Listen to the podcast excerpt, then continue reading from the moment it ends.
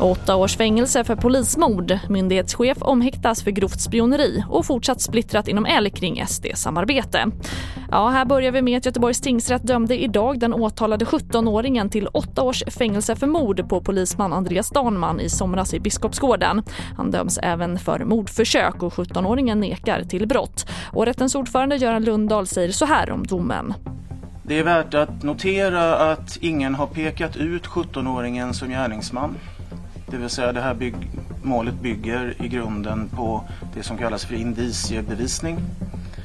Främst då på det signalement som vittnen ger på gärningsmannen, på teknisk bevisning och på övervakningsfilmer.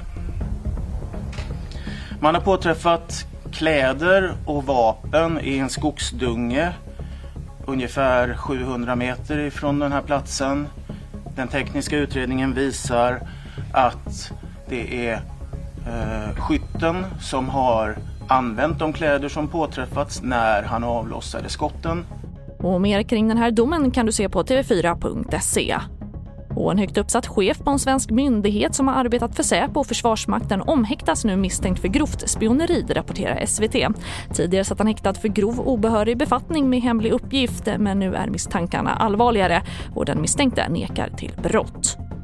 Och vi avslutar med att idag inleder Liberalerna sitt landsmöte men splittringen är fortsatt stor inom partiet när det gäller synen på att samarbeta med SD.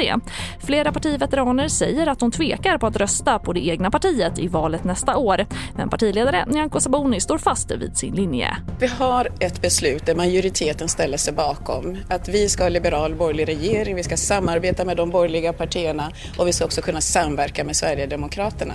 Jag kommer ha fokus på att lösa Sveriges samhällsproblem. Jag kommer inte ta ställning utifrån att det finns personer som inte gillar det här vägvalet vi har gjort.